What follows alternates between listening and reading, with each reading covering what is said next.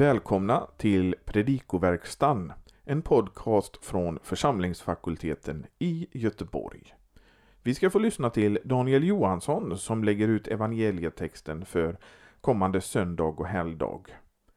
God lyssning. Tredje årgångens evangelium för apostladagen är Markus 3, 7-19. Vi inleder med att se närmare på den grekiska texten och vi börjar från början i vers 7. Som så ofta i Markus evangeliet används ett verb i singularis med Jesus som subjekt när han nämns tillsammans med lärjungarna. Jesus tillsammans med sina lärjungar Anechoresen drog sig tillbaka i singularis. Ett liknande exempel finns till exempel i 8.10. Det här syns inte i översättning men det är ett sätt för Markus att understryka att Jesus är huvudperson och lärjungarna bipersoner. Verbet ekolothesen står också i singularis eftersom plethos, mängd eller folkhop, står i singularis. Denna sats och till slutet av meningen i vers 8 ger en känsla av muntlig snarare än skriftlig presentation. Polyplethos står i inledningen och sedan räknas en rad områden upp. De kan alla vara subjekt till ekolothesen. Men eh, sedan upprepas plethos poly och ett nytt verb elthon kom i tredje person pluralis används. Man kan tänka sig att Galileas ska gå med det första verbet och alla de följande platserna med det andra verbet. Så översätter Bibel 2000 och Folkbibeln. Det är logiskt eftersom Markus hittills bara berättat om att Jesus varit verksam i Galileen. Men man kan också se upprepningen som typisk för en muntlig framställning. I så fall skulle Markus inte göra en distinktion mellan Galileen och de andra platserna. Området på andra sidan Jordan för övrigt, det avser Pereen som var en del av Herodes Antipas territorium. Att sen Tyrus och Sidon också omnämns, det pekar på att det fanns hedningar bland dem som följde Jesus. I vers 9 uttrycker det första hinna innehållet i vad Jesus säger och vi översätter med att. Medan det andra hinna uttrycker syfte. Både Bibel 2000 och Folkbibeln översätter med flibosin auton med passiv verbform och Jesus som subjekt. Men verbformen är faktiskt aktiv i tredje person pluralis och Jesus är objekt. För att de inte skulle pressa honom. I vers 10 bör vi översätta aoristen Etherapevsen med pluskvamperfekt.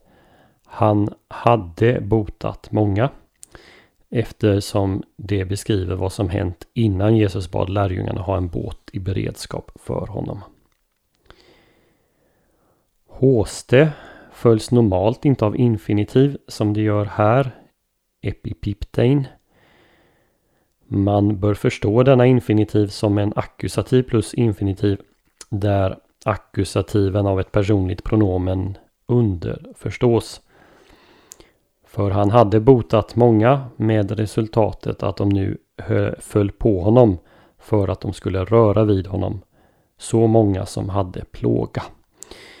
Det är en, en ordagrann översättning av den här, av det här avsnittet.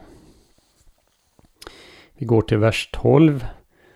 Adjektivet pola är adverbiellt. Det är något som är vanligt hos Markus och vi får översätta med mycket. Han tillrättavisade dem mycket att de inte skulle göra honom uppenbar. I vers 13 är de två verben anabanei och eh, proskaleitai så kallade historisk presens. Det är ett sätt för evangelisten att markera att det som nu följer som han ska berätta om är viktigt. Proskaleitai hos ethelen autos betyder ordagrant Han kallar dem som han själv ville.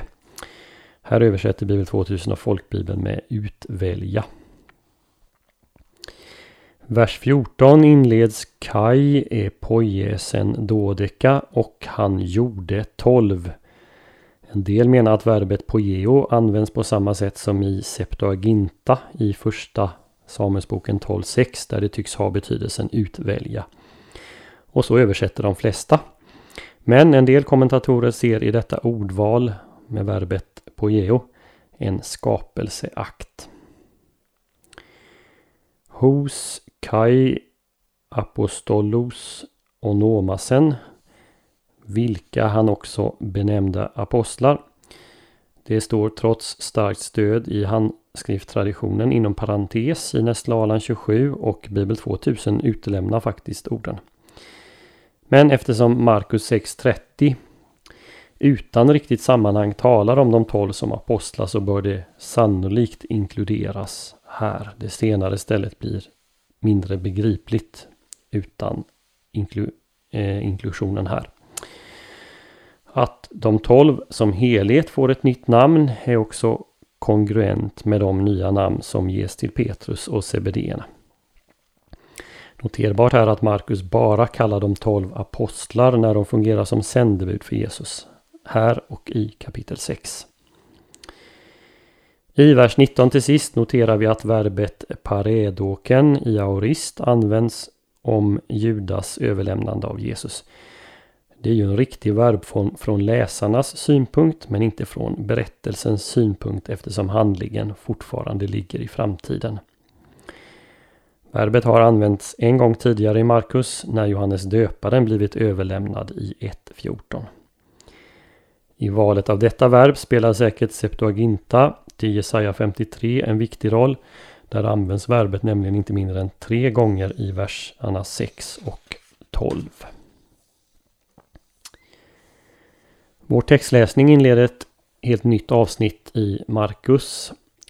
Efter att i kapitel 1 beskrivit hur Jesus helar och drivit ut onda andar och åtnjuter en stor popularitet, så stor att han måste dra sig ut i ödemarken, kommer de så kallade stridssamtalen i kapitel 2 eh, fram till 3.6.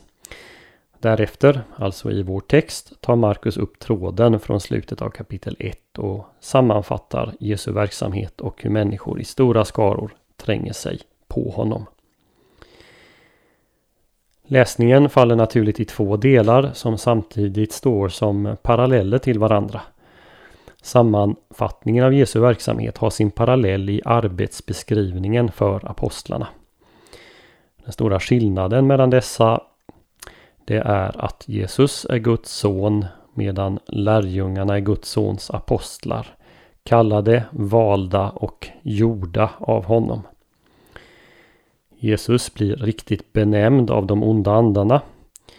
Medan Jesus benämner lärjungarna apostlar som kollektiv och de ledande bland dem ger han nya namn. Precis som Gud gjort med centralgestalter i Israels historia. Det som i den första delen sägs om Jesus kan sammanfattas i tre kategorier. För det första att Jesus är omät, eh, omätligt populär.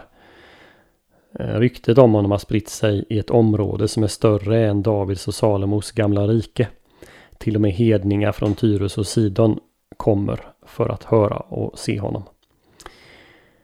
För det andra, eh, han botar människor på ett sådant sätt att man gör allt för att bara få en beröring av Jesus.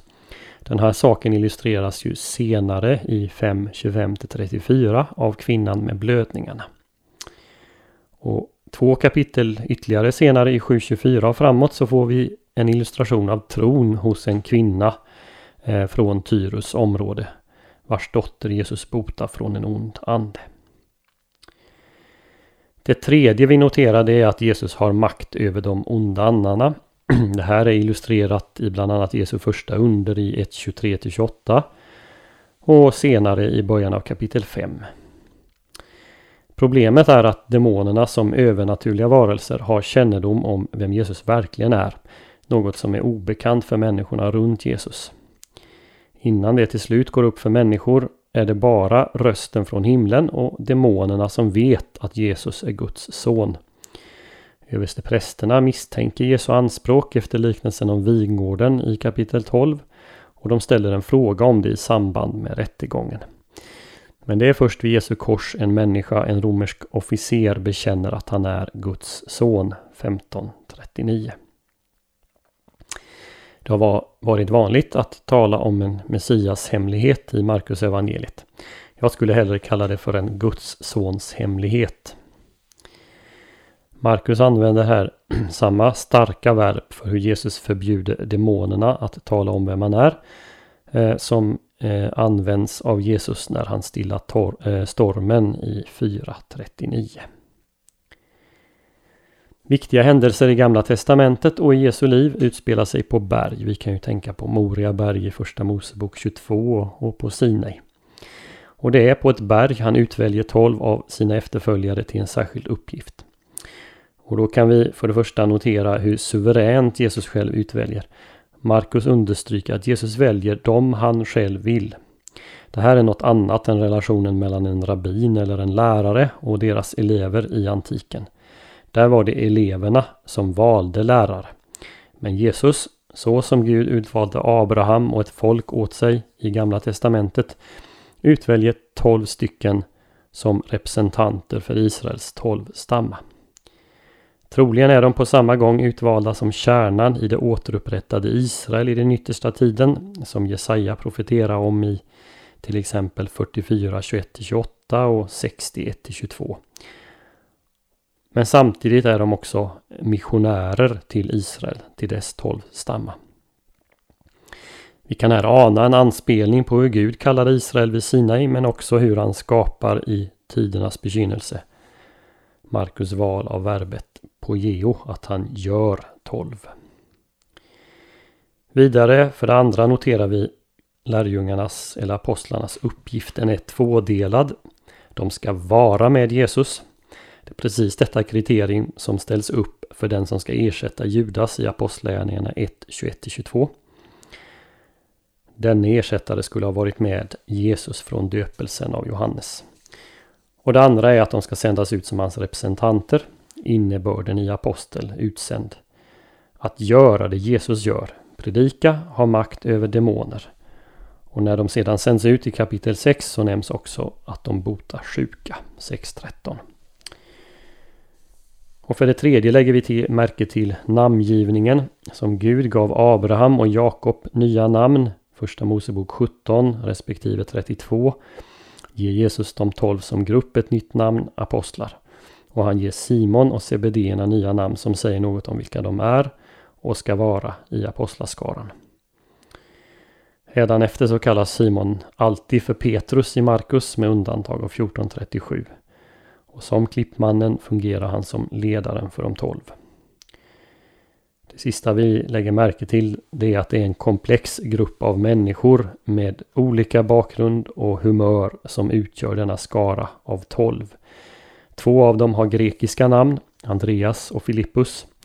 Simon och Judas däremot bär namn som Makaber-hjältarna hade, de som just försökte befria Israel från grekiska hellenistiska tendenser. En, Matteus, har gått ockupationsmaktens ärende som tullman. En annan är hans raka motsats Simon Seloten som som grupp har tagit till våld för att driva ut romarna. Jesus inkluderar till och med den som skulle överlämna honom och sätta igång planen med Guds sons människoblivande. Uppfyllelsen av Jesaja 53. Du har lyssnat på Predikoverkstan, en podcast från församlingsfakulteten i Göteborg.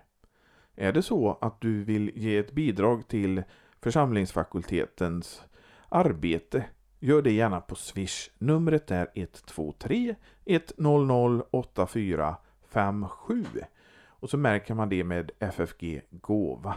Numret och andra sätt att ge en gåva till församlingsfakulteten finns på vår hemsida ffg.se. Música